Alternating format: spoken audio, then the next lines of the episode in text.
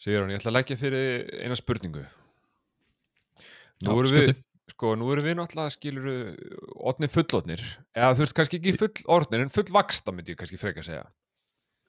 Já, ég held að líka minn sé hættur að stækka. Já, Þannig að, já, en þú veist, en allavega, sko, já, þannig að við erum svona komnir á okkur svona smá staði í líðun, þannig að við erum ekkert að fara að þroskast mikið meira, sem er, veit það kannski ekkert frábært fyrir okkur, af því að það er ekki mikið um þroska, en, um, sko, við erum kannski svolítið staðnaðir, svona í, í, í, í þeirri deild. stöðunum, já, já, já, Já. Þannig að ég ætla að leggja fyrir spurningu hérna, veist, eru, veist, eru við ekki alveg í okkar rétti að erum bara í fílu út í hvað sem er? Hvort sem að þessi manneski eða, eða hlutur. Jú, jú, jú. Bara, ég held að það sé bara allt í fínasta lagi, sko. Já, eða ekki, þér finnst það alveg svona sangjant assumption að Já, ég myndi, ég myndi segja að þú veist, fólk sem að fyrir fílu á þessum aldri verður að hafa góð ástæði fyrir því, skilur Já. ekki bara eitthvað, ekki bara ég er í fílu að því að hann átt kökusneðina mína, skilur eins og börn. Nei, nei, nei, ég meina, heyrðu, við sáum öll Ross í Friends, sko My Sandwich Já, ég var samt eiginlega sammálunum. Já, já, nákvæmlega, en samt, já, einmitt Ok, sko, að því að ég er búin að ákveða það uh, að ég er í fílu út í rauðvín Eh, ok. Ég af skil. því að ég drakk rauðvin um daginn ég átti ammalið fyrir stuttu síðan og drakk rauðvin svona í tilefni þess og ég var mjög þunnur út af því Þetta er fyrir stuttu síðan bara í þessari viku. já, sem er aka fyrir mjög stuttu síðan myndur ekki segja Já, já, þú veist, þegar ég segi um daginn þá er ég að tala um fyrir kannski hálfóru síðan, sko. Já, ok, þetta var fyrir mjög stuttu síðan, a.k.a. fyrir tveim dögum og hérna, ég var mjög þunnur. Og mér fannst það mjög leiðilegt mér, og mér fannst það ósangjant, ég meina ég átti ammæli þannig að það eitt og sér á í rauninni að frelsa mig frá öllu svona. En uh, mér fannst ég ekki drekka það mikið sko, þannig að ég ætla ekki að drekka rauðvín í kvöld. Nei, þú ætlum alltaf bara þá að sleppa öllu áfengi, eða ekki? nei, ég ætla að drekka hvítvín í staðinn. Já, já, já. þannig Það, að er það er miklu betra. skila, já, það mun augljóslega skila miklu betri niðurstöðum. Já, ertu ekki samfara um það að hvítvín myndi skila mér tölvört betri nöðstöð? Jú, náttúrulega sérstaklega sem að hvítvín er tölvört segum meira, sko, þá að sjálfsögður það var að skila miklu, þarna, þú ert að drekka, þú ert að drekka rauðvín. Nei, ha? Þetta er rauðvín. Hvað, ertu litblindur eða? Ég get svo svarið að ég valdi hvítvín, sko. Hvaðan kom þessi flaska? Hvað er þetta? Hvernig gerist þetta? Ha? ha? Sko, svo, svo allir séu með það á reynu, sko, þá er þetta, þetta er, þetta er alveg, lo, hann sagði mér þetta í dag, sko. Ég, ég, ég var að þykjast ekki vita hvað að vera að tala um, en þú sagðir þetta við mig í dag. Þú sagðir ég er að fara í ríkið og ég ætla að kaupa hvítvín að því ég var svo þunnur eftir rauðvín og svo setur mér rauðvinsglas. Sko, sko, sko, ég skal, ég, ég skal segja alla söguna um það hvernig þetta, og, og, sko, og festu beltin, því að þessi er rosaleg.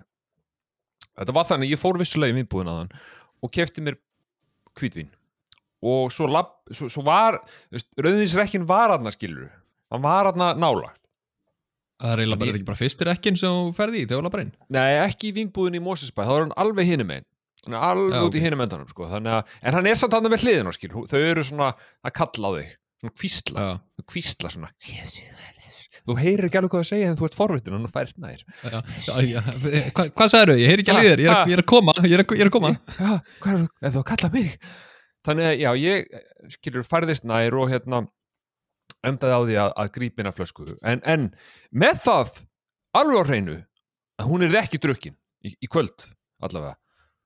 Ekki í kvöld. Nei, setna. Já, auðvitað setna, en ekki kvöld. Þú ert komin í gott skap aftur við rauðvín. Já, þegar ég er hættur að vera í fílu út í rauðinni. Já. Og svo, uh, hérna, var ég bara að fara að tilla mig niður, raunum bara fyrir um það byrjum tíu mínúndum síðan, það er ekki lengra. Uh, ég held á kvítislöskunni sem ég náði í nýskap, ég held á henni. Ég lappaði af stað með hana. En hvað var hann á borðinu við hliðin á? Ég bara, ha, hvað segir? Tryggvi! Og, og, og ég var forvitin, þannig ég greip flöskuna og áður en ég veit viss af, þá var ég búin að hella mér glas og ég held ég var að drekka hvítur en skál fyrir rauðinni. Skáli, ég er með rauðvín. Ég valdi rauðvín, sérstaklega. Ég var hugsaði mér að ég verð að drekka rauðvín fyrir þennan þátt. stundum drekki ég eitthvað annað, en ég verða að drekka rauðin núna Já, þú varst líka búin að vara mig við, sko, ég ætla bara að láta þið vita tryggvi að í kvöld mun ég tala mikið, það þýðir að þú mun drekka meira. Já, ég meina, þú veist, reglan er almennt svo að ef eitt er að tala þá er hinn að drekka, er það heilbreykt? Nei, Nei. en þú veist, það er, það er kemistriðan, skilur. Það er sem að á, á sér staðina og ég, ég er að fara að tala mikið. Ég hérna, hef nóg að segja, sko. Já, þannig að bara fulla ferð, gangi ykkur vel.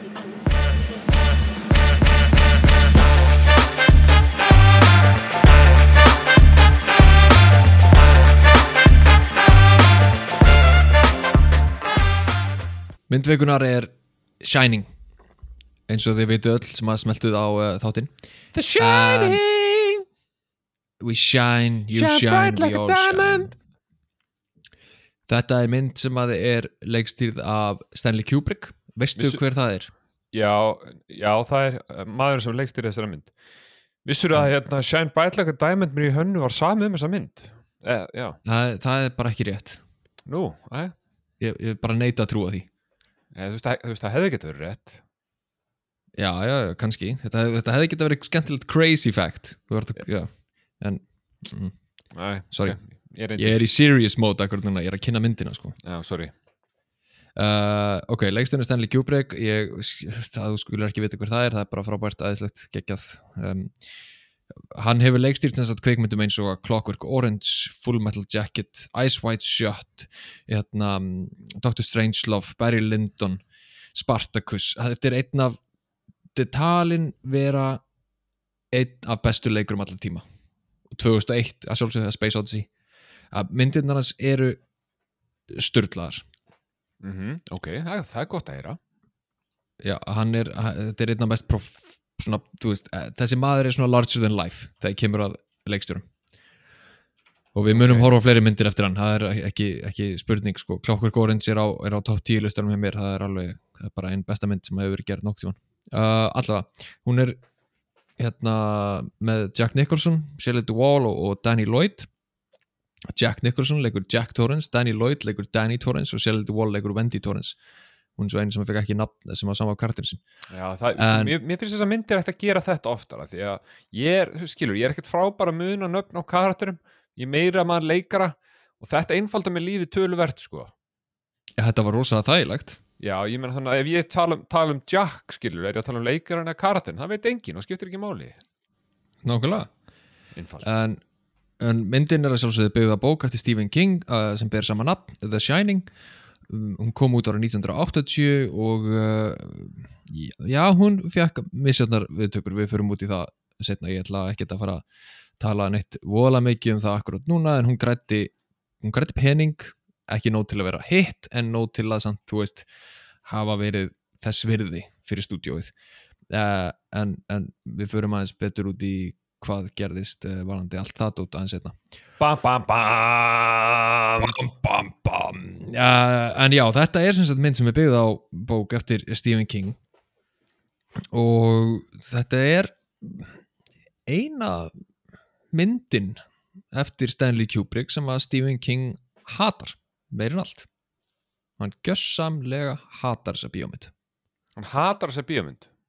já, Ég, veit, mm, ég get ekki myndað mér af hverju, sko. Ég, sko, komandi inn í þetta, ég vissi ekkert um þessa mynd nefnum hún væri til, sko. Og Jack Nicholson leggi inni og hann sagði Here's Johnny og að Joey var að lesa bókir og setta hann í fristið sinni Friends og hérna, að þeim vildi ekki lesa hana. já, ég meina þú hefur heyrt um þessa mynd, þú veist, hún hefur, hún hefur, hún hefur það mikið vægi í kveikmyndasögunni að þú hefur heyrt um hana, skilur, þú veist af henni Ég veit að, já, ég menn þetta, ég, sko, þú, þú gleymir stundum að ég er a cultured man og, og að, ég, sko, swine? Ekki þú, ekki þú gefa mér hann helviti svip þegar ég segi þessi cultured. Uh, ég er a cultured man og hérna, og soga að mér eins mikið knowledge og ég mögulega get. Þannig að sjálfsögðu vissi ég að þessari bíómynd. En vissuru að það var hryllingsmynd? Já, þú veist dæmand út frá því að Joey þurfti að setja bókin inn í fristi að því að hún var svo skeri þá grunaði mig að hún væri hryllingsmynd. Og ég hef auðvitað séð bæði atriðið Here's Johnny nokkru sinnum og GIF frá mismunandi aðalum í mismunandi tilöfnum það sem þeir segja Here's Johnny. Þannig að skilur það, það, það segir alveg ýmislegt. Já, sko það er nokkur hlut sem ég langar að ræða strax um, af því að ég hefði á tilfinningunni að, þessi þáttur eigi eftir að vera dóldi svona meira fræðandi heldur en aðrir minna grín já, Uh, já, já, já. Er þetta því að, sko, já, sko, það sem er að gerast núna, og ég, ég ætla bara áður hann að Sigurðan byrja, ætla að segja ykkur nákvæmlega hvað er að gerast núna, sko. Sigurðan er að fara að tala mikið, þá er hann að grín, því hann er ekki fyndinn. Uh, fræðandi meinar hann að hann ætlar að mansplaina fyrir okkur öllu saman hvað hún finnst um The Shining. Og meira var það ekki áfram Sigurðan, hvað varst að segja? Hvernig finnst þér þessi mynd? Uh, mér fannst hún, mér finnst þetta góð mynd. Um, hún er hún, er ég veit ekki hvernig er best að lýsa því. Hún er svolítið svona maður veit eiginlega ekki alveg hvað er í gangi að nynni Nei, þú veist, ma maður veit ekki alveg er þetta allt ímynd? Er þetta raunveruleiki, er þetta mitt á milli? Hvað er að skýja að nynni og þess vegna held ég að það sé mjög mikilvægt að við förum bara beint í fyrsta hlutin sem ég langar að ræða. Ok, Það eru viðtökunar sem myndir fekk þegar hún kom út. Vá, það var ekki eins og miklu setna Ég var bara að búa til eitthvað rosa svona setna setna Já, það skipt ekki máli, við erum að fara í það strax. Ok, myndin kemur út. Uh, Hún kemur út á herransárunni 1980 uh, Hún kemur út á sömu helgi og lítil indie mynd uh, sem að hérna tók eiginlega meiri aðtekli Ég veit ekki hvort það var heyrt um hana en hún heitir hérna The Empire Strikes Back já. Já, einmitt, kannastu þetta nafn? Já, þetta er einhver mynd þarna sem einhver, einhver Lukas gerði. það er ykkur í hérna, ykkur gameskip og eitthvað. Já, þannig að hún fekk mjög miklu aðtekli, svo mynd. Að meina Shining uh, fekk ekki dóla miklu aðtekli og hérna málega þannig að uh, Kubrick sem við hefum eftir að fara meir út í og eftir líka er sko, fullkomnuna sinni döðans Ég svo Það mér finnst svo gaman þegar þú segir við erum að fara út í að tala um Kubrick sem að ég, ég get falla að búri nafnið fram, hvað hann heitir. Hvað þá talaðum hann, ég, ég er svo góð hjartaður, ég er að inklúta þig hérna í öllu skilur ok, takk fyrir það.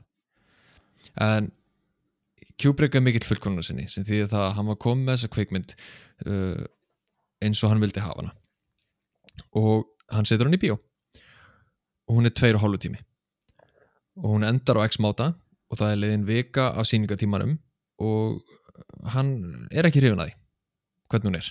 Og stúdíóið er að pressa á hann bara heyrðu þú veist, hún er ekki það er eitthvað eh, við hann að, þú veist, hún er aðeins og þú veist, aðeins og eitthvað svona blei, og þannig að hann tekur hann tilbaka klippir aðeins endurinn og setur hann aftur í bíó.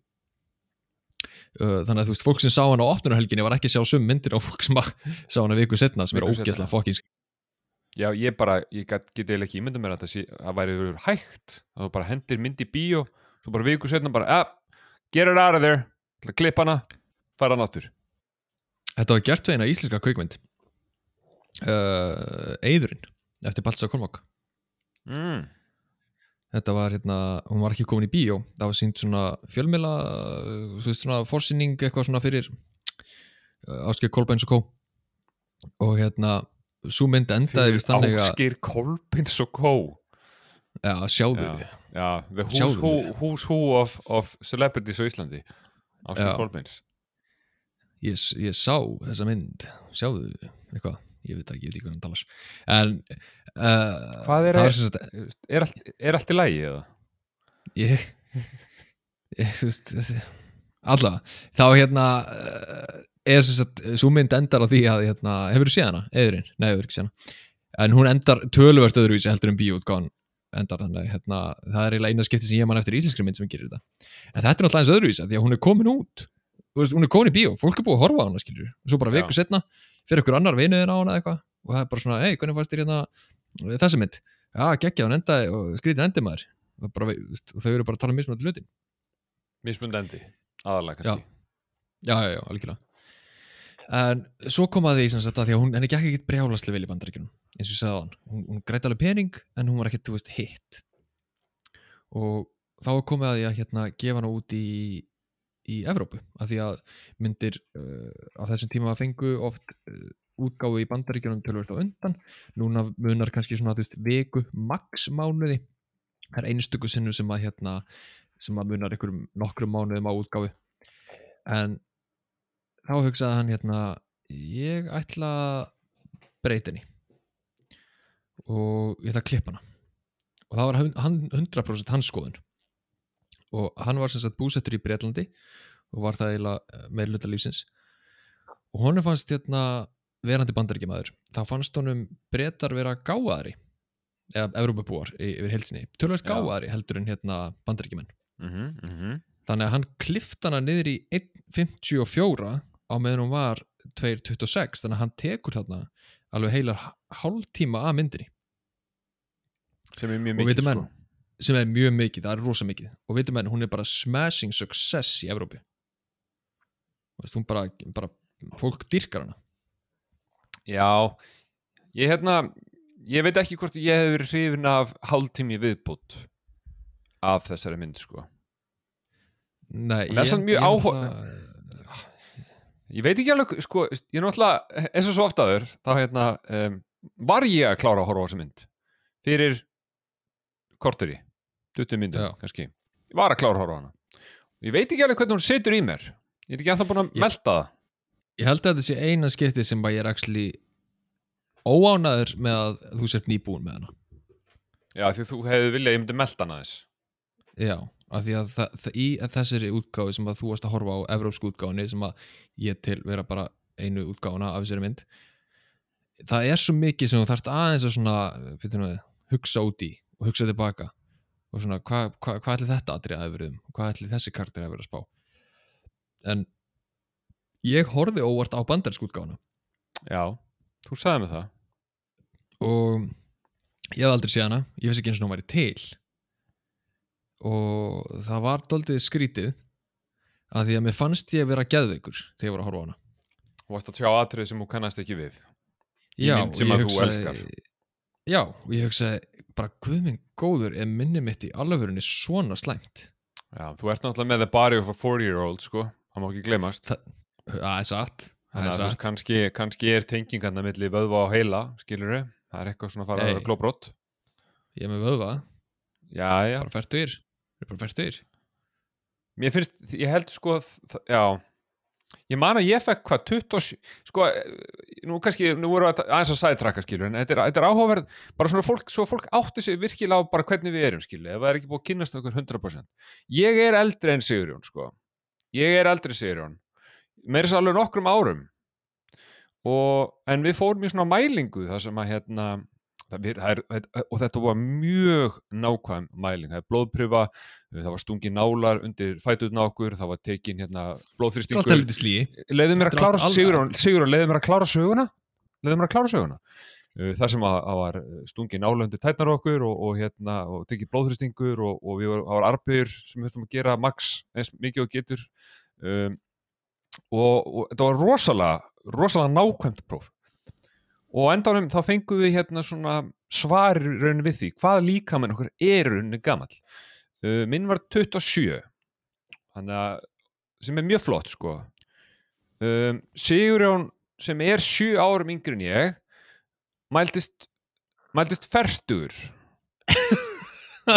Hann mæltist fertugur og hérna og, og þetta, og mér finnst þetta svolítið endur spekla okkar karaktera ég held að þetta sé mjög nákvæmt ekki bara líkamlega, heldur líka andlega Sko, ég samþyggi uh, svo sem það að, að hérna þetta væri svona andleg prófun að því að þetta var á enganhátt svona vísindalegt. Við stóðum ofan á okkur tæki og það sendi ykkurar bylgjur í gegnum líkamann á okkur.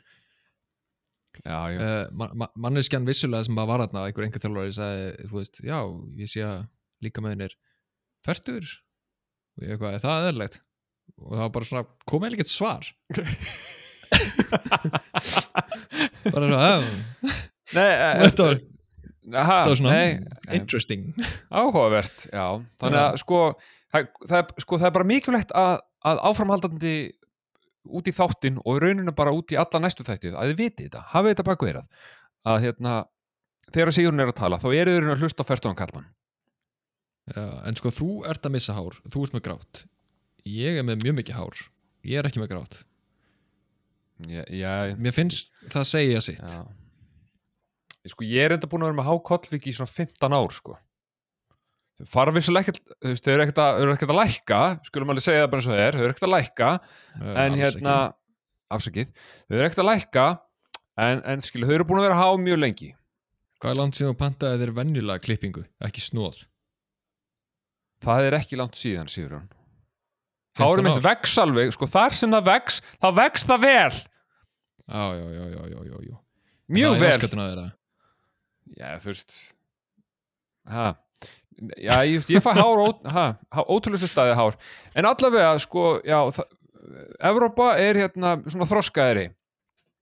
Já, já, og hérna, sko, ef þú hefðir hort á útgáðuna sem ég horfði á núna í vikunni, þá hefðir ekki verið jafn uh, tindur og ert akkurat núna, eða ekki, ég er ekki að segja tindur, meira bara svona, þú veist, að- aðeins að spá og spekulera í myndinni, af því að hún virkilega, hún virkilega bara fýtar þig öllum upplýsingum sem að þú þarft að vita, sko. Þessi lengri útgáfa þá.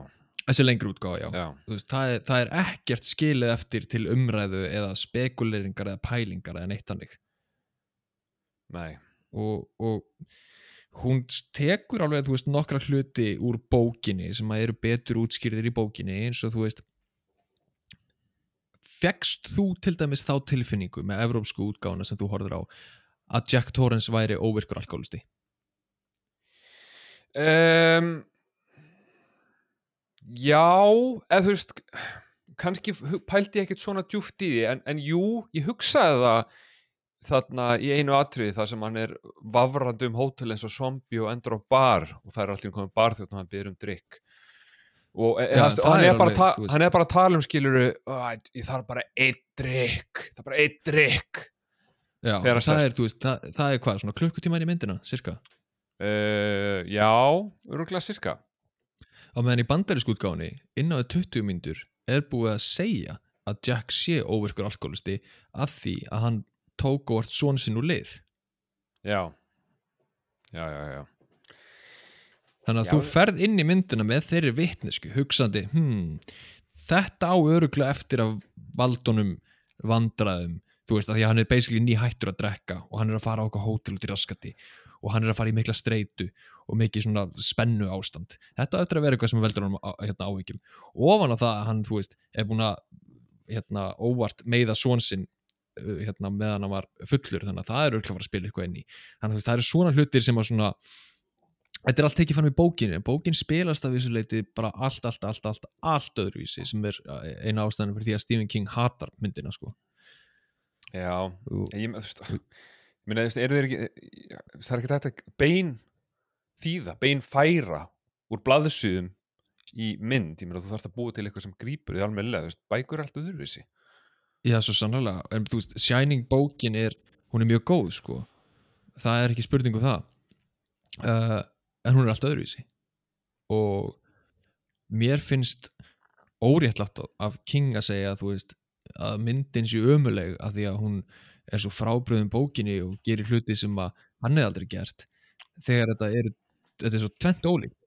Það er mjög sjaldan sem að þú færðir henni bíómynd byggðið eftir bók þar sem þú getur metið báða hlutina fyrir sig í stæðan fyrir að geta sagt bara að bókin er betri, hún fór í meira dítil Ég meina, var Stephen, Stephen King ekki bara, uh, snjóðaði ekki bara eilif upp í nefi á honum eða? Jú, jú, eins og við rættum þegar við vorum að tala um hvaða mynd var það? Við erum búin að tala um aðra Stephen King mynd, ekki? Ég meina, allan búin að tala um Stephen King og hann elskaði snjóin.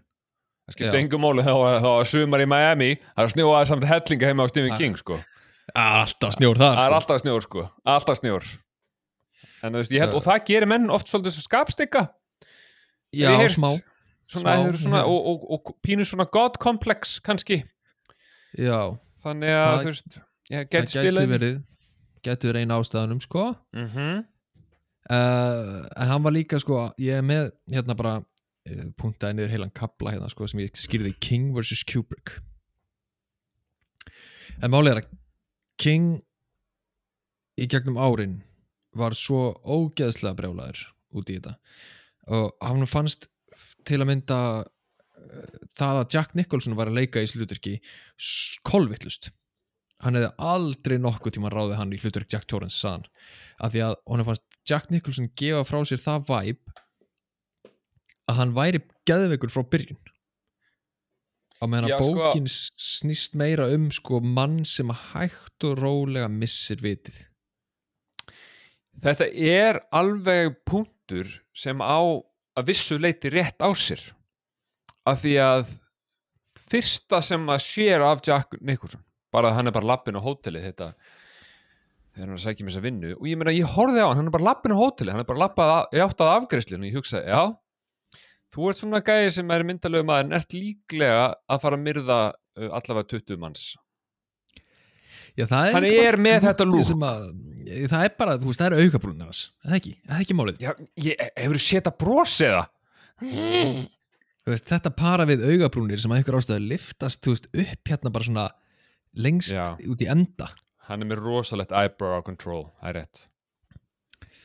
En, en hann var mjög ónæður með þetta. Hann var líka mjög ónæður með hérna, Shelley Duvall í hluturki Wendy Torrance að því að, að, því að Du- að Wendy Torrance í, í bókunum er sem sagt um, dóldir svona manneski sem hefur aldrei þurft að takast á við neitt. Hún er svona former cheerleader, hún er ljósherð veist, hún hefur aldrei átt neitt vandamál í lífinu sinu, fóldrannar áttu pening og, og, og allt einhvern veginn var bara svona gefið upp í hendunar á henni. Þannig að í bókinni þá er hún manneskja sem að fer á Overlook Hotel, maðurinn að byrja missa vitið og hún er allt í einu að horfast í augu við allt sem er að gerast og það er fyrsta alvöru baróttan á meðan að hún fannst Shelley Duvall líta út eins og hún væri líka búin að ganga í gegnum allt í heim Það er bara cruel. Það er bara það cruel. er það er krúl Já, en það skilur við kókainfíkil Sko, ég veit ekki, mér fannst sko, mér finnst Jack Nicholson geðveikur í, hann er frábær í þessari mynd. Eða, þú veist, ég held að, ég held að það sé betra að segja hann er geðveikur í þessari mynd. Ég held að það sé á, á meira við, hann er geðveikur í þessari mynd. Um, Hún ég veit, hún hún er rosalega góð konan hans. Shelley Duvall, já, Já, já. hún er rosalega góð bara, alla myndina. Er, ég er mjög ánæður með að hafa verið hrifin af veist, já, mér fannst ég ætla samt sko þetta var ekkert besti leikur sem ég séu á æfinni en, en ég veit ég, ég hugsaði það var eitthvað svona setni partin af myndina, það var pínu dramatík og hún var að öskra okkur, ég var svona, "Að þetta er ekkert frábært. En á sama tíma var ég líka bara eitthvað að hún er samt svo góð, það er kannski bara alltaf leið það var skrítið, manstu hvað atrið það var að? það var þegar hún uh, held að hann hefði kyrt strákin Já, já, já, ok. Ok, skiljið það er hérna, sko, það er margt við þessa mynd sem maður mitt uh, maður er bara uh, ha, hm Já, leið mér að klára hérna áður en á hendurinn, ég veit að þið langar að segja eitthvað. Leið mér að klára hérna uh, King vs. Kubrick já, já, já, sorry.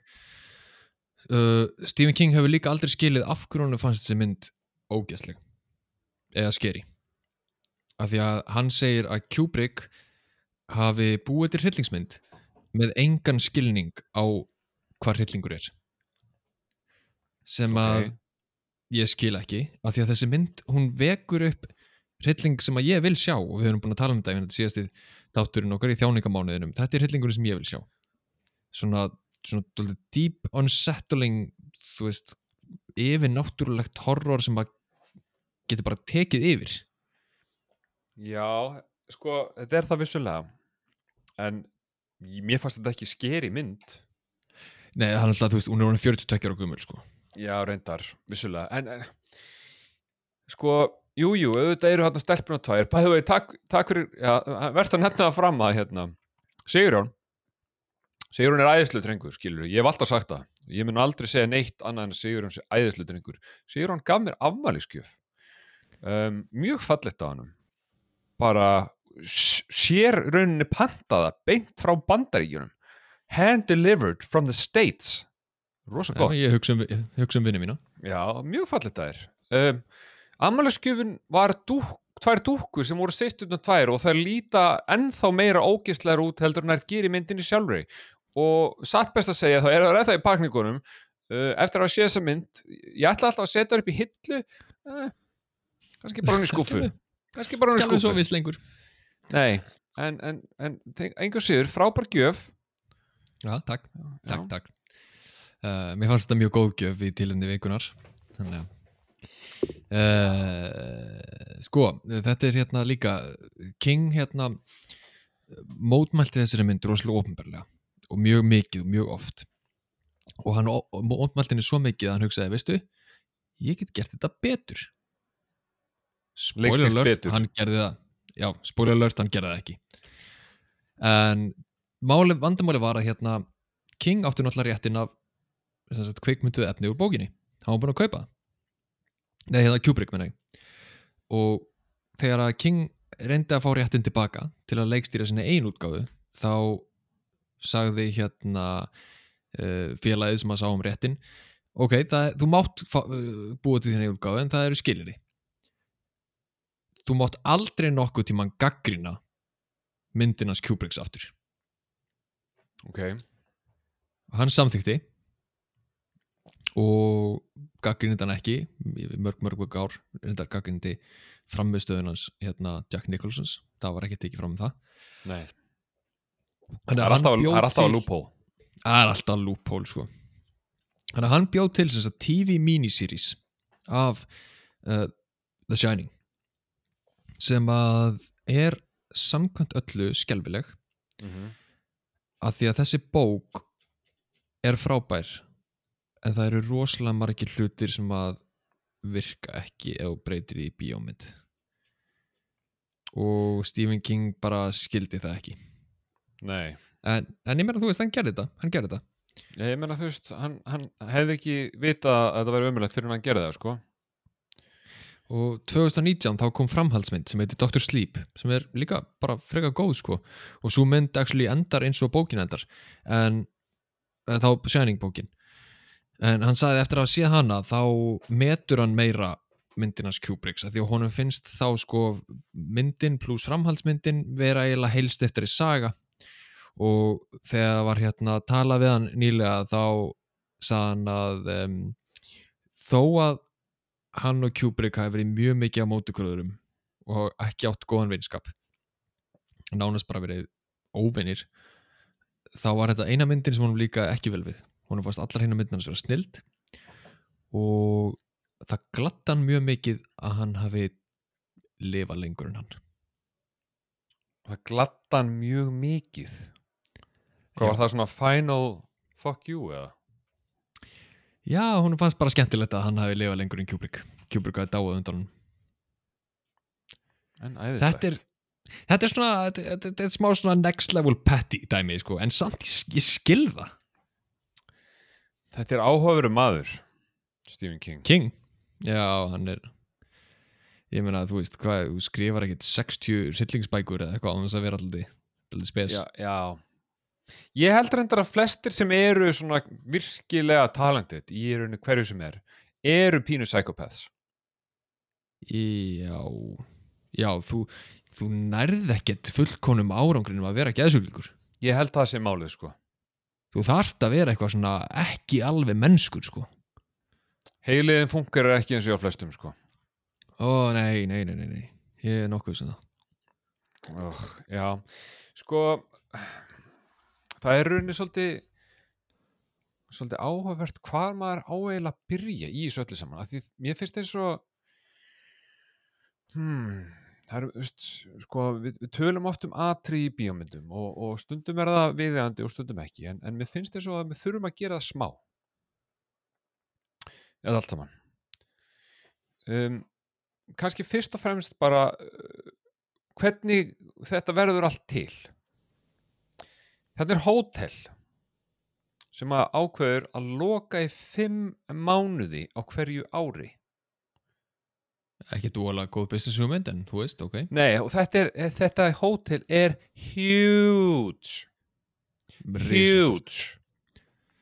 Risastórt sko. Ef ég væri Jack Nicholson segjum sem svo að ég væri hérna pínu psychopath og hérna væri bara að, að, að ég sæði aðtunauðlýsingu og hérna ég var með átt að vinnu þannig ég mæti á þetta fancy hotel og hérna, ég meina lýsingin, hei vilt þú passa hótel í fimm mánuði á meðan allir eru burtu, þá er þetta starfið fyrir þig, allur friðið sem þú vilt, engin félagskapur og þú mátt leika þér í öllum herbyggjunum nema einu herbyggi, ekki var þangað en en í öllum hinnum herbyggjunum máttu gera það sem þú vilt.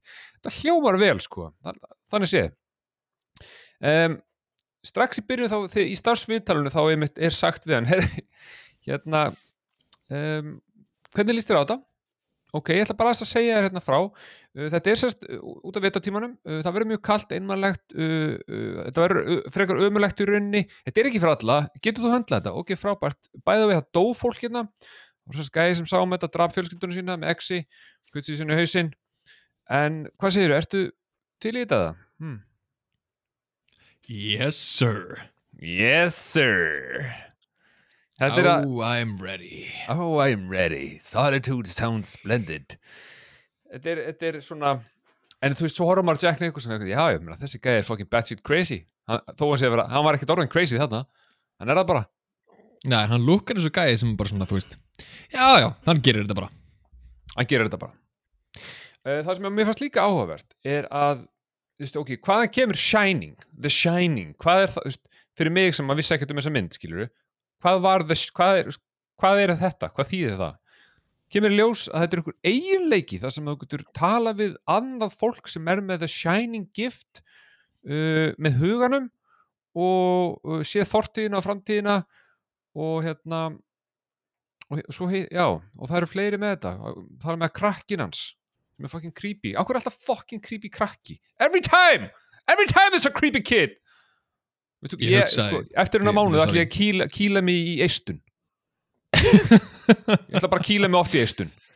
Varst ekki búin að skera þig að þér til síðast þátt eða? Var það ekki? Já, þú veist það hangaði þetta ennþá en ég ætla bara að berja þau. Þú ætlar að kýla af, af skortnu ístuðin Já, þau liggja hérna á gólfinu Ég ætla bara að fara að stappa Já, Fucking creepy kids.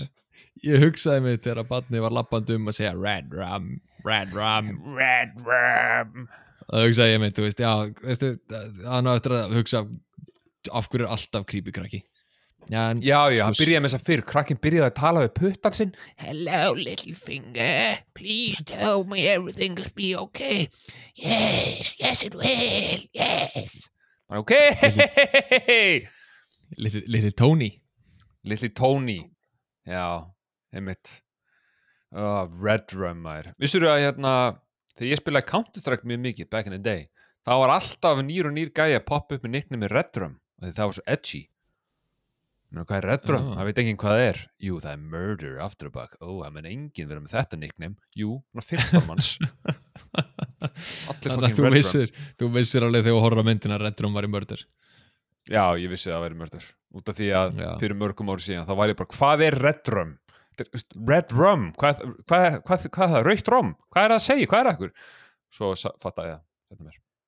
Já, einmitt uh, s- Já, þetta er sko Þetta er uh, ég veit, þú ert alltaf ég veit þú ert að gera grín en þetta sem að þú ert að segja af hverju ætti hann að taka að sér þessa stöðu þetta er útskrift í bókinni og þetta er útskrift í myndinni uh, það er alkoholismin og hann sagðist að það hafi verið kennari.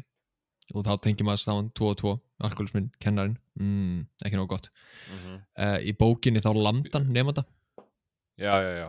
Er, er, er hérna ykkur svona, þú talar um alkoholismi, kennari, ekki gott, alkoholismi hvað væri gott? Casino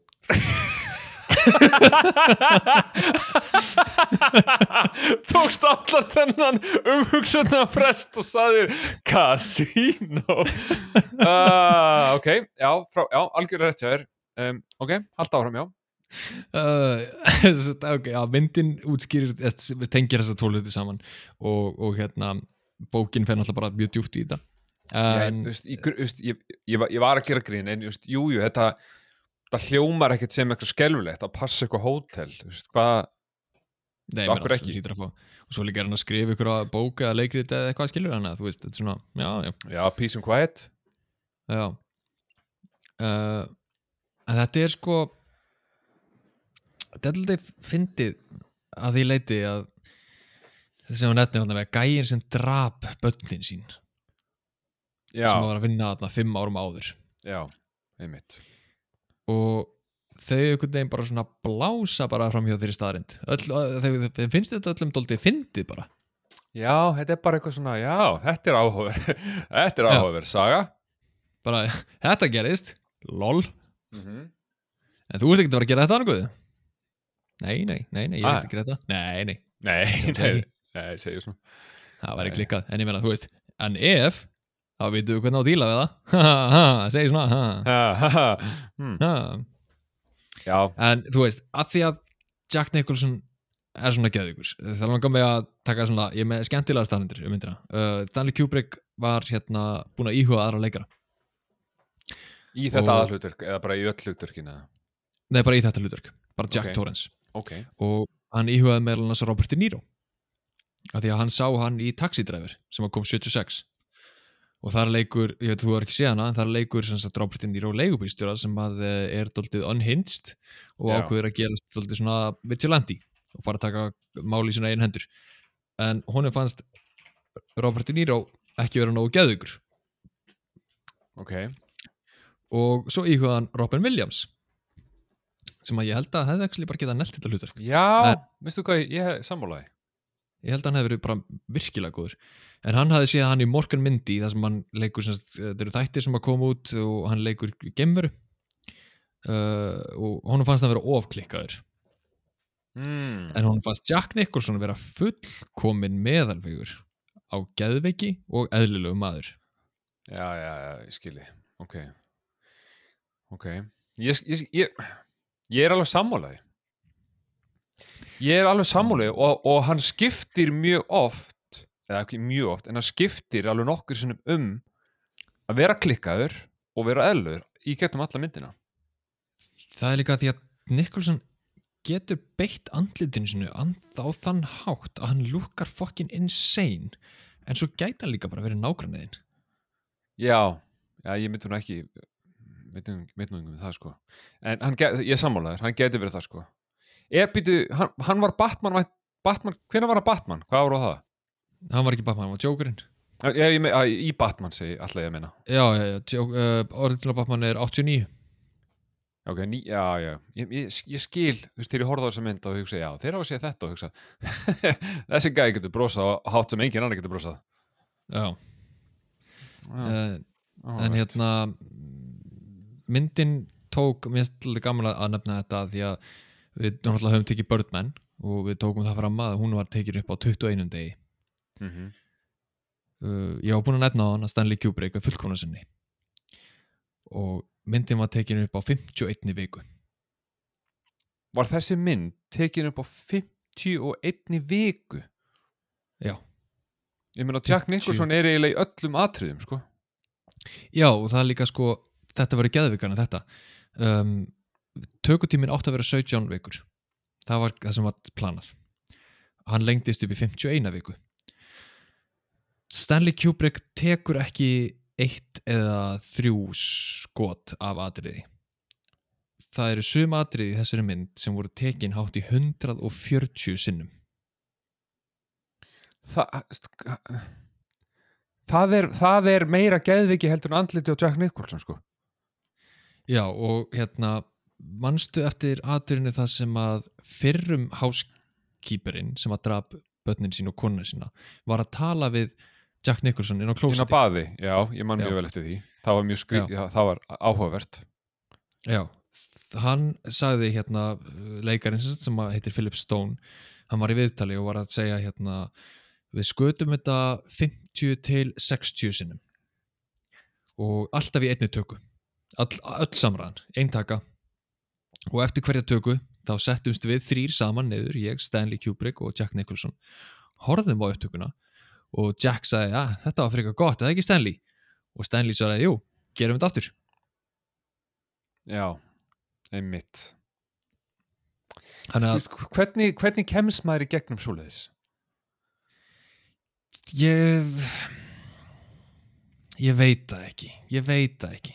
Ég, ég bara í alvörunni veit það ekki. Þetta hljómar tökudagarnir á þessari mynd voru sex daga vikunar sem að hljómar allt í lægi leikarar vinna ekkert nema sex tíma á dag fimm, Já, sex ég tíma, meina, ef, ef, ef þetta eru sex dagar í 17 vikur fullt af menn, fullt af, fullt af cash money menna, maður Já. tekur þetta, skilur þú, þú, kvitt, þú kvittar undir kveikmynd og þú sér 17 vikur uh, fjóra daga vikunar og þú hugsaður, já, þetta er bara eðlilegt. Svo er þetta 6 daga vikunar og þú hugsaður, já, já, ok, svo sem allt í meina, þá var þetta kannski bara 14 vikur? Já, svo bætist við það að hann vil taka 140 tökur á hlutum. Svo bætist við það að þú ert ekki að vinna 6 tíma. Þú ert að vinna 16 tíma. Já. svo bætist við það að þetta er ekki 17 vikur. Þetta er 51 vika. Og allt í einu er þú að vinna heilt ár 6 dagavikunar 16 klukkutíma á dag. Og já, Já. by the way by the way, uh, lýsingin á myndinni um, er vanlega þannig í öllum kvikmyndum að lýsingin er sett upp og það þarf að setja leikarana inn í hérna, eða, eða fólk inn í stúdjóið til að aðtuga hvernig mun lýsingin spila af fólkinu og þá er sett stand-ins, þetta er bara fólk sem vinnur við þetta. Það bara stendur þarna, bara stendur meðan að vera fullkona lýsinguna. Kubrick vildi ekki nota þannig fólk sem því að leikarnir þurftu að mæta tölvört fyrr og standa Já, af því að hvað, hann vildi bara skugginn er því nákvæmlega sama líkamsformi og allir leikararnir eða? Já, Ég mitt. þannig að þú ert að 16 daga eða 16 klukkutíma á dag. 6 dagavikunar, 51 viku. Og konan sem að Jack Nicholson var með á þeim tíma sagði um, eina af þeim, hann hefur verið með mjög mörgum konum uh, sagði Rar, Jack Nicholson, hann var að koma heim á hverjum einstu degi. Ég sá hann eiginlega ekki neitt en hann lappaði inn, lappaði á rúmunu sinu datt í rúmið og sopnaði á sekundunni sem hann snerti það Já. Skiljanlega. Ég myndur að taka upp, þú veist, hvað ætli þetta séu margar blaðsur af monolog atriðin á klósettinu? Yeah. Hellingu, þetta atrið er langt, sko. Þetta atrið er alveg nokkrar mínútur. þetta er örgulega 15-20 blaðsögur sko Já, þú veist, ég myndi að segja þetta 50 sinnum í röð hvernig Og get, alltaf- og, og, og hvaða teik var notað? Nummer 50 eða nummer 3 Já, og leiksturinn segir Já, þetta var bara freka gott. Gerum þetta aftur. Af hverju? Af hverju eru að gera þetta aftur? Ha, að því? Ég segi það. Já, ég veit það ekki. Ég, held ég myndi ekki endast í þessu bransa. Já, ekki með þennan leikstjóra Og það er hérna Sá sem að leikur uh, hann, heitir, hann heitir Scatman sem leikur hérna uh, Halloran Gæjan sem er líka með Shining uh, gamla kokkin hann sem sagt bað Jack Nicholson um að redda sér hluturki myndinni af því að hann og Nicholson hefði leikið saman áður og, og hérna vildi verið Stanley Kubrick mynd að sjálfsögðu. Mm og það var einu tímapunkti sem að hérna þeir voru að taka upp og hann var komin upp í veist, ég veit ekki hvað þetta voru margar tökur já 40 tökur stendur hérna. Og þegar hann var komin upp í þetta þennan fjölda þá bókstarlega brotnaði niður grét og spurði hvað viltu Mr. Kubrick? Hvað viltu? Stís að því að hann var búin að leika sama atriðið 40 sinnum í röð og það þurfti alltaf að taka aðra tökku og aðra tökku og aðra tökku Ég meina, sá gæi er ekki í mörgum atriðum. Hann er eiginlega bara hann í byrjun þar sem hann er alveg, það er smá atriði. Svo sérstænurinn voru lítið. Já svo verður hann lögni bara í svona síðustu 30 minnum á myndinni bara svona endanum.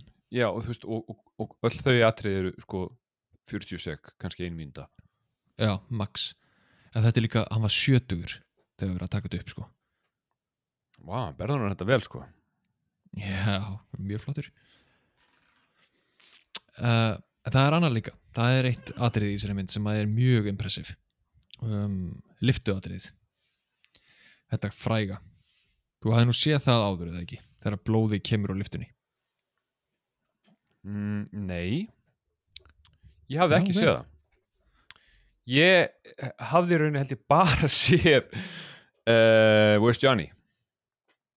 já, já, já. veistu hvað það er tilvitnum í eða? Johnny? Ha, það er, það er hérna tilvitnum í, í Johnny Cochran. Ha? skuggalega nálægt Oh, Johnny Carson. skuggalega nálægt já að því að hann byrjaði alltaf þetta að segja að, að kynnerinn þannig að sagði here's Johnny og þetta var Já. ekki handritinu sko Jack Nicholson fannst þetta bara uh, fyndið að því að Jack Nicholson hatar að mæta í talkshows og hefur gert mjög lítið að því og hún fannst það að mæta í talkshows vera bara svipað og að láta hérna Já, hún fannst í rauninni svo upplifun að mæti talkshows vera svipuð og að láta brjóta uh, hurð á baðherbyggi þar sem að þú varst að vera að vera drepin. Þannig að hún fannst fyndið að segja þetta. Já. Og ég meina, er þetta ekki, þetta er mest iconic atrið bara eitt af þeim bara all time, sko, ekki bara í myndinni. Já, alveg klálega sko, bara, bara með bara einmitt mest iconic atriðum allra tíma sko. Það er, Here's Johnny! Ah, ég mjögst, ég var, ég beið eftir þessu, sko. Beið eftir þessu atriði allan tíman. já, þetta er mjög gott atrið. Um, Sko, um, já, sko, ok, þú, þú, þú ert, sko, þetta er þinn, þetta er þín mynd, talað þú, núna. sko, já, það var eitt bara varandi árun að þú færði að segja hérna, varandi liftuna og blóðið. Já, það eru tveir hlutir sem eru mjög aðtiklisverðið við þetta. Það tók allt árið að taka þetta upp. En samt sem áður hann þessu í bara þremur skotum sem er mjög ólíkt honum með að hversu mörg skot hann tók af öllu öðru. En ástæðan fyrir því að þetta tók bara þrjú skot er að því að það tók heila nýju daga að setja upp skotið. Og það þurfti að þetta stoppa liftuna, skilur læsa henni, tróðfyllana af rauðu vatni eða hvað djöfulinn sem þetta er mm opna, passa að það myndi allt flæða út og, og svo framvegis. Og í þriðja skipti sem hann gerði þetta, þá tókst það. Skemmtilega starrend nummer tvö er á upprunalegi trailerin fyrir þessa mynd. Er þetta skot? Með bara, þú veist, Stanley Kubrick uh, Jack Nicholson Shelley Duvall, bara nöfnin yfir skjáin, skilur bara The. Shining og það er bara þetta atriði að koma.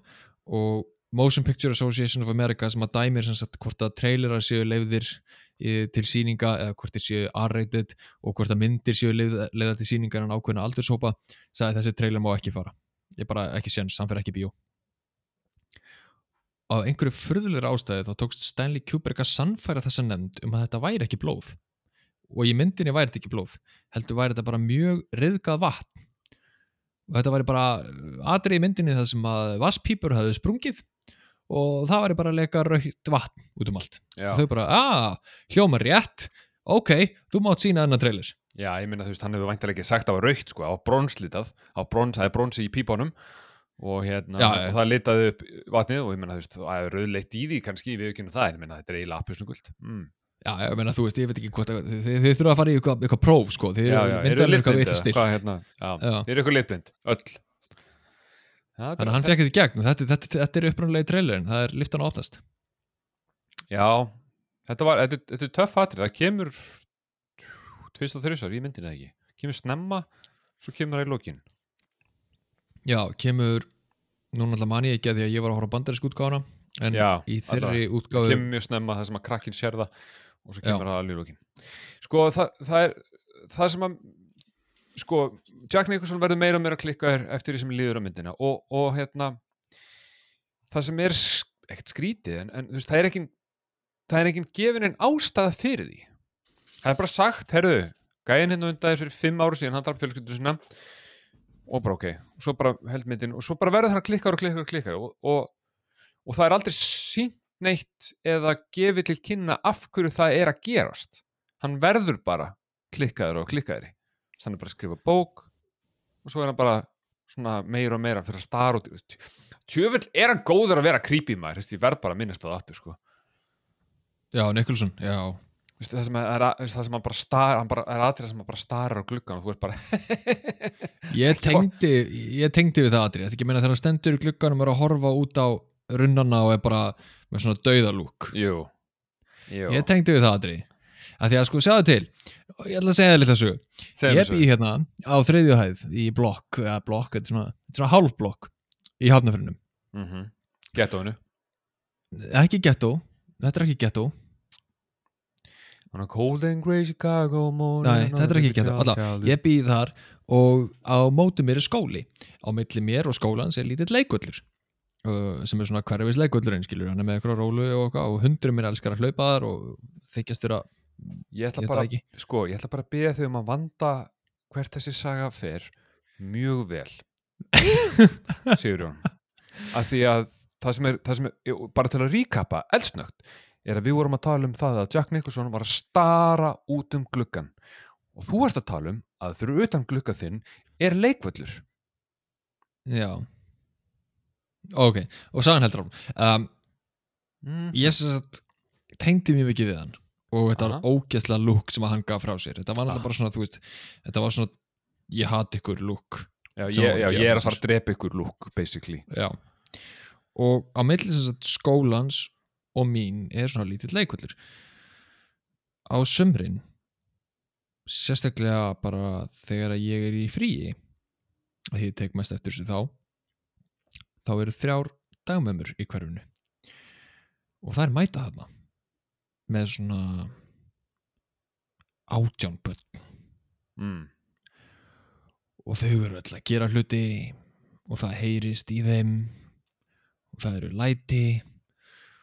Og ég hugsaði þetta er öruglega nákvæmlega eins og ég lít út standandi í glugganum hjá mér horfandi á þennan leikull að hugsa hvað eru þið að gera hérna?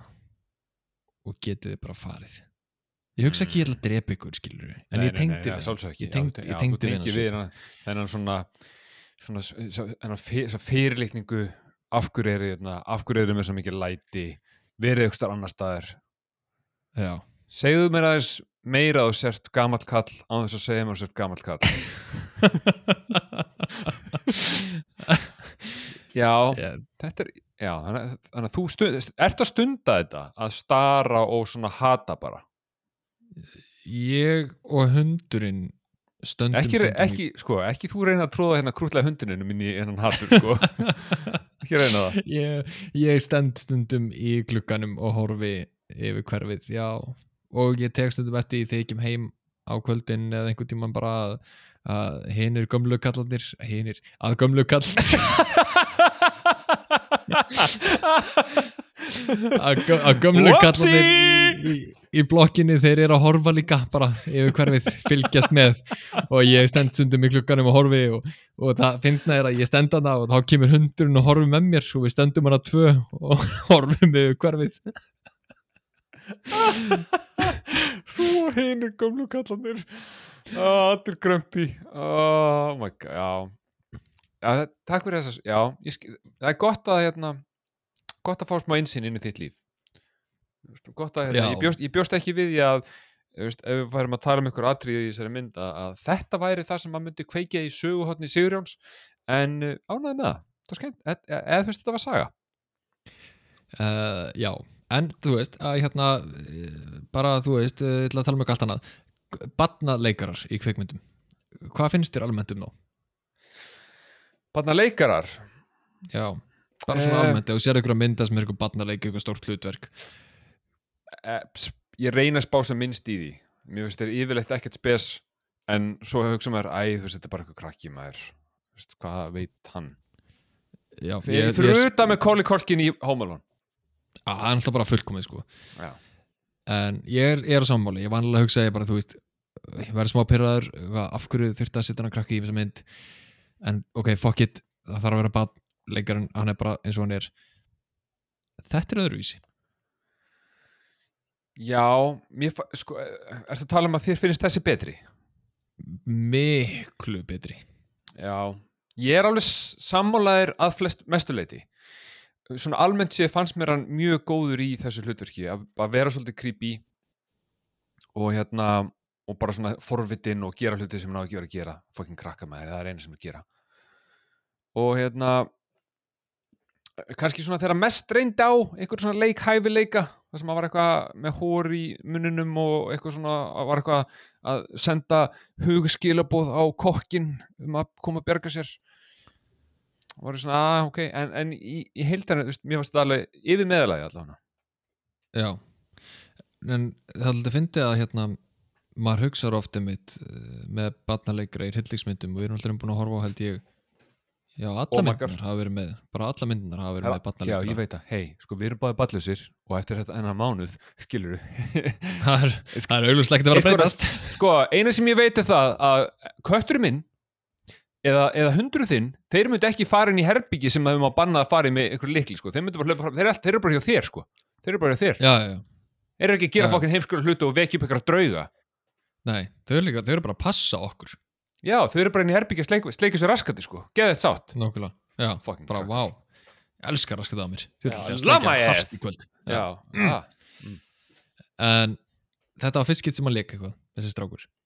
Og Stanley Kubrick var ótöldið satt rosalega passasamur upp á hann. Af því að hann lauga á honum Að þetta væri ekki hryllingsmynd. Þau voru bara að leika í fjölskyldudrama. Og það var ekki fyrir mörgum árum setna það sem hún var sínt, hún var sínt sagt, mjög klift útgáfa myndinni það sem hafa sagt þetta er myndin sem varst að leiki og þá hugst- fattaði hann, já ok, það var svona skeri mynd. En hann sá hann ekki alveg fyrir hann var nú 17 ára gamall þá sá hann myndina óklifta. Já. Það er röglega alltaf magnað að hugsa bara, hó, ég man eftir þessu. Þetta er Þetta ekki ekki myndin svona. sem við byggum til. Já, þetta var ekki atriði sem, en ég meina þú veist, ok. Hann tekur samt upp þetta atriði sem varst að tala um á hann, þar sem hann er Red Ram, Red Ram og heldur hann hníf hjá mömmu sinni, Red Ram Já, ég menna, þú veist, hann er bara fimm ára, það er bara að vera sefin, þetta er bara drama, þú ert bara að gera þetta eitthvað. Og í atriðunum sem að hérna, Shelley Duvall er heldur á honum og er að hlaupa með hann frá Jack, það er dúkka. Er það dúka? Já, Stanley Kubrick vildi ekki setja hann í aðstæður þar sem að einhver geðsjúklingur var eldan. Nei, skiljulega, hann er fallið á hann Þannig að, hérna, maður tekur ekkert eftir ég hafði ekki hugmynduð það. Nei, þú veist, auðvitað hafði ég ekki humdum með heldur Þetta er áhuga, þetta er cool Ég myndar, ég, hvað, ég myndar horfa 12 árum setna bara eitthvað, heyrðu, afsakið hérna, hvað er þetta? Já, bara, ég, ég man ekki eftir að Jack Nicholson hafi verið svona creepy. Nei, Já. Uncle Jack var skemmt, skemmtilegu gæi. Uncle Jack, hann var geðugur hann gætt gert Hann hluti með augabrúnum og eitthvað Bara, já, ok, hann var semst að reyna að drepa mig í myndinni. Já, hann, en- hann, hann tók stundum á með nefið og gætt tekið þessu þöfumbuttan og alltaf bara eitthvað fýblast Uncle Jack Uncle Jack. Sko, Uh, það, það eru er tvent sem ég langar að ræðum áður en við hættum skilur Já. um, Það fyrra er atrið sem þú talaður um áðan það sem þeir eru inn á baði. Að því, þú veist, þú horfir á Jack Nicholson hann er hægt og rólega, hann er bara descending into madness. Og þú hefst það meira bara meira creepy, creepy, creepy, creepy. Þangar til svona allt í einu hann lappar inn á hennan bar og er bara komin í eitthvað partí. Og þá er hann gett eðlilegur þá líður hann veist, er bara ekkert að spá í. Fær drikk og held á hann og þeir fara hann á bæðarbyggi og, og ég hugsaði þarna ok, það, þetta, okay, þetta hlýtur að vera bara allt í haustum á hann Mm það hlýtur að vera bara allt í haustum á hann bara, hver einasta sekunda af atriðun sem er að ski allar þessar samræði sem hann á henni inn að bæðarbyggi það sem að hann fattar sem, sem, sem er annað áhugavert við þetta þeir eru að ræða saman, þetta er þessi fyrrum gæði sem draf fjölskyldunum sína, þeir eru að ræða saman á klústi og hann fattar hver þetta er. Og það er svona smá moment það sem að hann lítur út fyrir það og finnast þetta óþægilegt. Já, Bara- ég, já, ég er sammála, það kemur svona touch það sem að svona kemur svona, að bíddu, bíddu. gerast? hvað sagðistu heita? Ég, sem, ég veit hver þú ert. Þú ert gæinn sem að drapst fjölskylduna þina og skust sér sinni í hausi og svo, og gæinn bara, ég veit ekki hvað að tala um en svo svona svo færist þetta, al- svo snýst þetta algjörlega við um að þessi gæi er að reyna að sannfara hannum að drepa fjölskylduna sína. Mhm. þetta er mjög svona skrítin breyting. Og, og, veist, að, og þá ertu ok hann er inn í haustum á sér en samt er þetta skrítið af því að hann sér þannig gæja en núna er gæjan að samfara hann um að drepa fjölskyldunum sína. En þetta hlýtur samt alltaf verið í haustum á hann af því hann er, guð, hann er döður hann draf fjölskyldunum sína, hann skaut sér hausinn en samt er hann hann En þá langar maður að spyrja þig bara, bara reynd og beint út. Var þetta í haustum ánum? Finnst þér, og ég er ekki, ég er ekki spurning sem við vil á vegir og metir eða eitthvað svona hugsir um. Þegar þú ert að horfa þessa myndu núna og horfa tilbaka, er þetta í haustum ánum?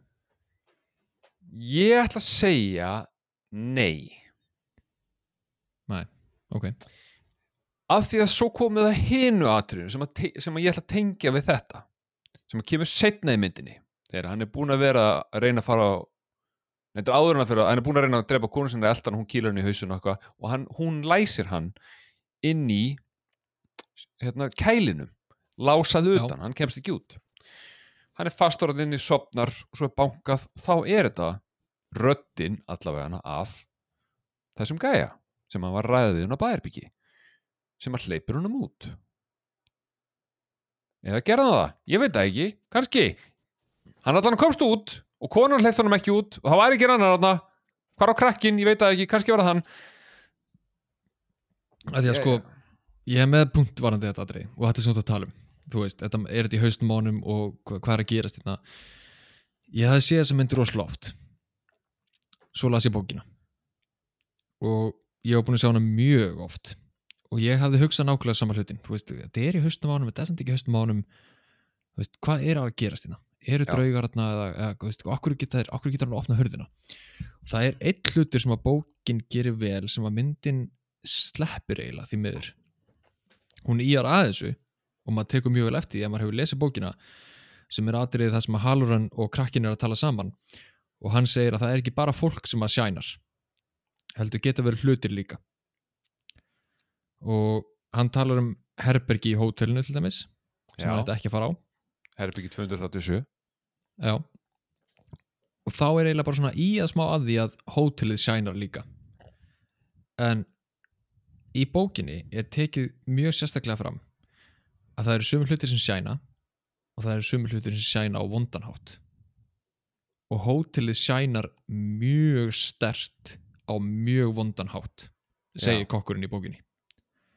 En, en það tók hann líka eh, kannski ekki kokkurinn en ykkur annar fram maðurinn sem að reyða henni vinnuna mögulega sagði well we built this this hotel was built on an Indian burial ground. Bara já ok, Já, í aldrei hefur það endað vel. Nei, ekki einu sinni. Og það er svona, þú veist, eins og í myndinni það er svona lítil strá, þú veist, dreifð út um allt svona varandi þetta. En bókin gerir þetta að mínum að þú veist, betur að því hún eiginlega bara svona segir manni það og þá er hótelið sjálfkrafa orðið vondikallin í myndinni ásand Jack.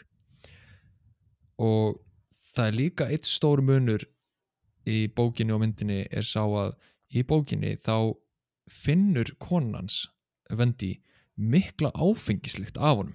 Og hann drekkur ekki bara á barnum. Hann er að finna áfengi hér og þar þó að það sé búið að taka allt áfengi á hótelinu. Af því að hótelið er að gefa honum áfengi. Af því það er Já. eina leiðin sem að hótelið veit að það getur náð honum.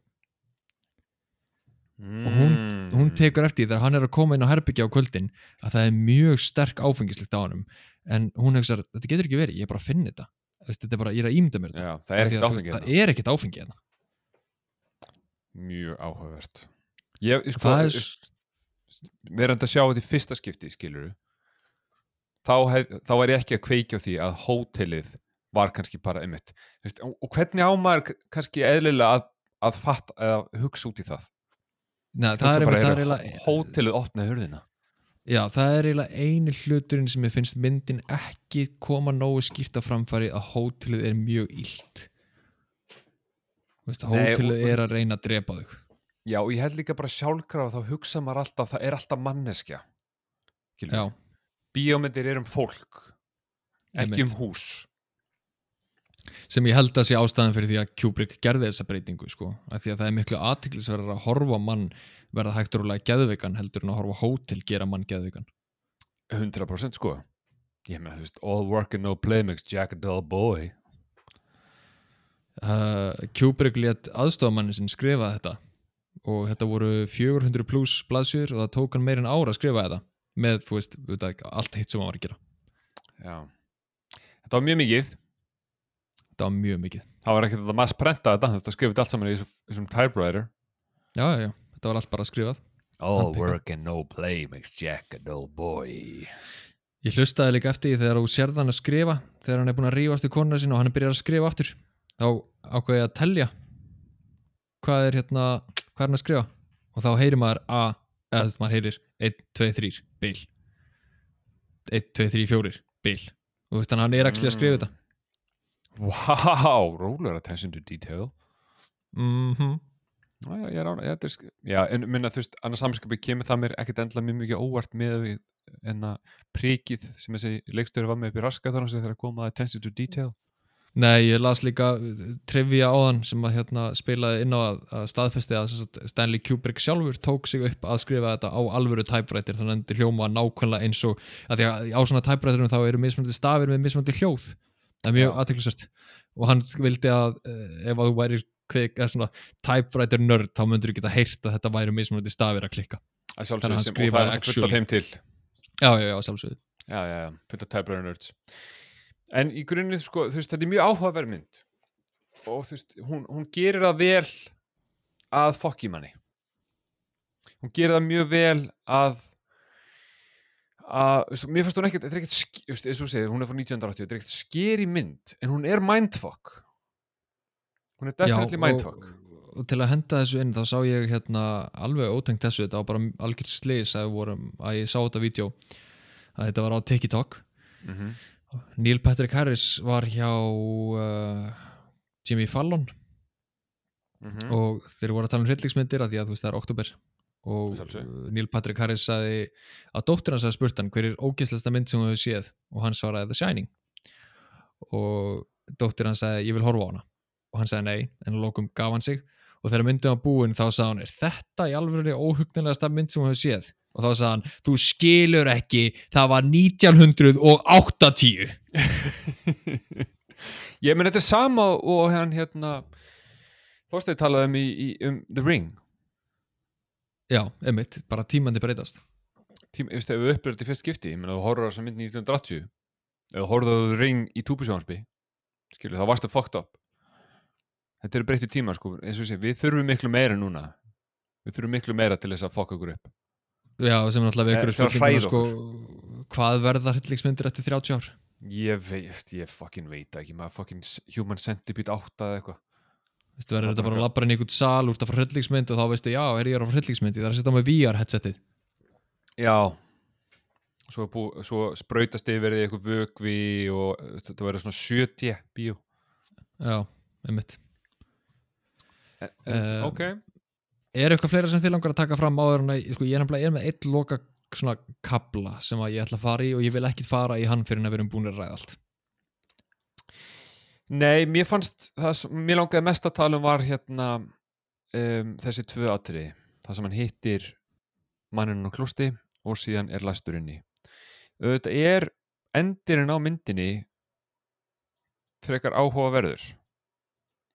Svona er, já, mér fannst það pínu langdrein pínu smá langdrein það sem hann er að elta hann í gegnum Eh, fa- ef þið fannst hann langdrein þá, sko, banderskútgáðan var lengri. Já, ég trúi því.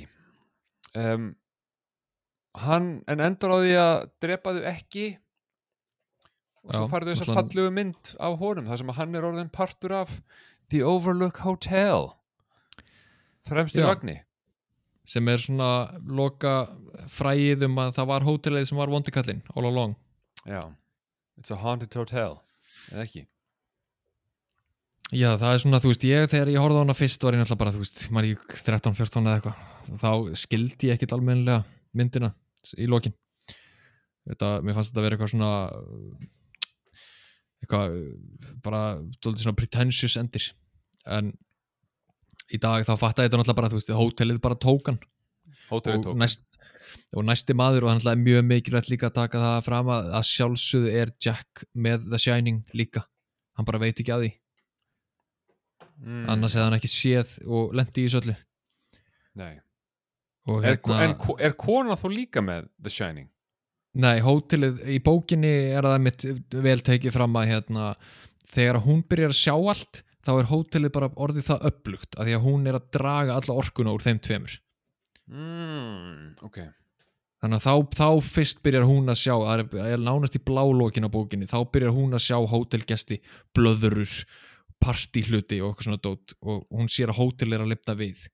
Já, ég meina, og í myndinni líka, það er bara alveg lókin þegar að það verðist vera eh, einhvers konar maður í búning með grímu að- sjúa tippið á öðrum kallmanni mm -hmm. mm það var mjög áhugavert. En það er líka mjög gaman að pæla í því að því að eins og hún er kynnt inn í þetta þá er hún bara svona ógeðslega góð þú veist, virkar ekkert endilega vola klár bara svona geðveikt næs og friendly og en svo er hún þessi sterkir hlutir sem að hóteli er hrætt við. Já, því að, hún, að því að hóteli getur ekki nota hana á neitt nátt já, hún er eina manneskjan sem að sjænar ekki af þeim þremur. Og hún er veikleiki hótelsins. Sem er áhugavert að því að þú veist, hún er spigð upp sem pínu svona veist, að weak. Þannig sé þegar veist, Jack öskrar á hann ekkert í myndin hún bara svona, "Huh, ok, ég fer bara og það er eiginlega bara fullkomið það er eiginlega bara fullkomið segvei yfir í síðasta hlutan okkar. Mhm. og uh, ástæðan fyrir ég vildi taka þetta alveg seinast er að þetta er dólið dark. Vá, ég skýrði þetta meira þess að í nótunum mínum dimmu hliðar sæning þessi manneskja, Selita Wall er ekki í lægi í dag. Ok. Ástæðan fyrir því er þessi kvikmynd.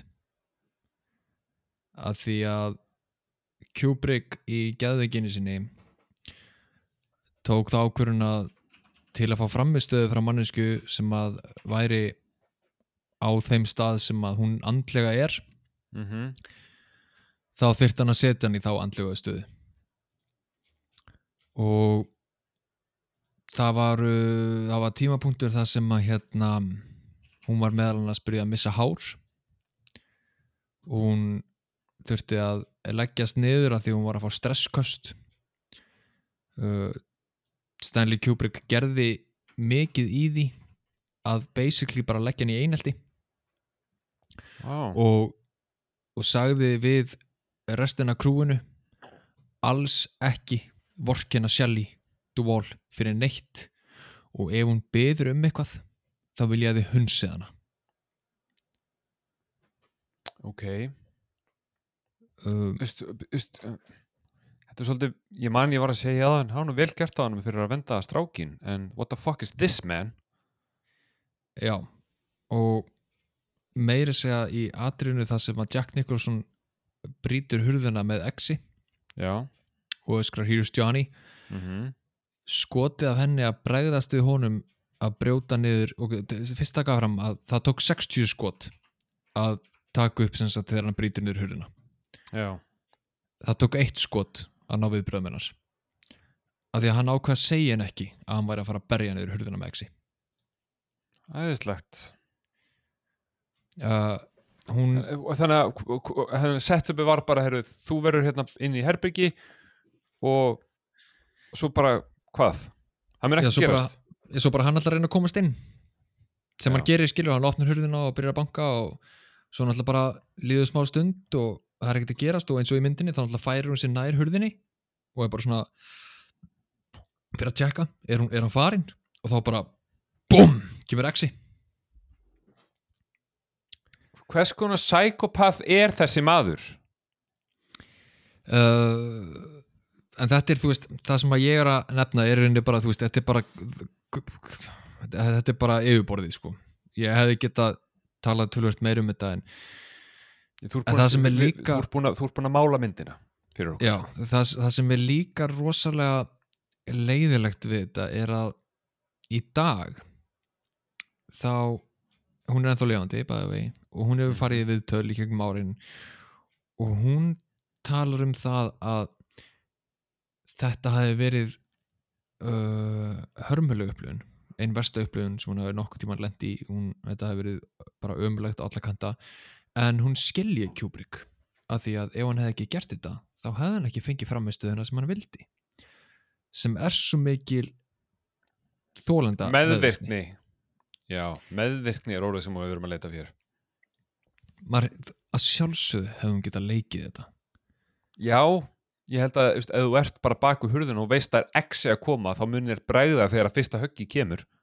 Já líka þú þarft ekki að leggja mannesku einelti og að segja krúinu að hunsana og láta mannesku missa hárið. Og það meiri segja hérna atrið það sem hún er að söfla hafnaboltakilfu Já. Á móti Jack Mhm. það þurfti að taka það upp að hátt í hundra sinnum og það var hérna, húðin á hendina var að byrja að ripna upp út af hafnaboltakilfunni að því að hún söflar kilfunni 47 sinnum í atriðinu og það þurfti að taka þetta upp sko, hvað segi, 60-70 sinnum eða eitthvað. Húðun var að að ripna upp og hún var búin að gráta svo mikið að hún lendi í vökaskort og þetta var bara aftur og aftur og aftur og aftur. What the hell man?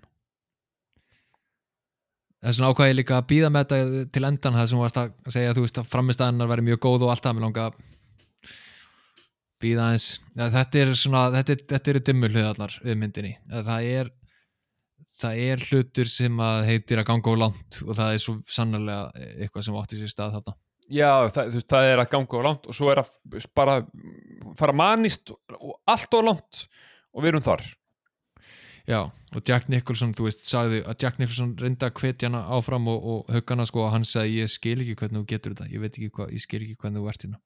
Og veistu hvað var gert til að koma Jack Nicholson í vondskap?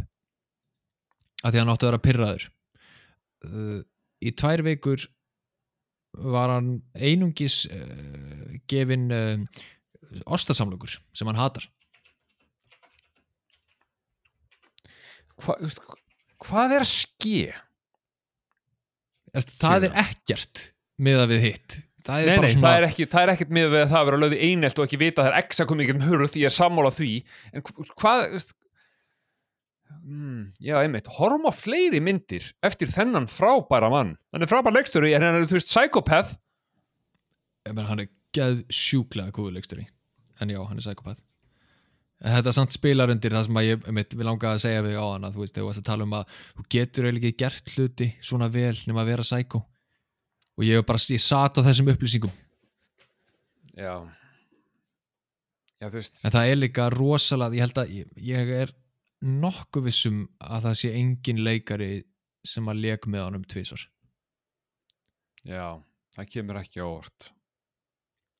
En allir vildu, já, en ég meina þú veist ég myndi að heyra þessar sögur og hugsa samt bara, heyri, þessi gæði býr til svakalega myndir, ég ætla að leika í næstu og vera scarred for life.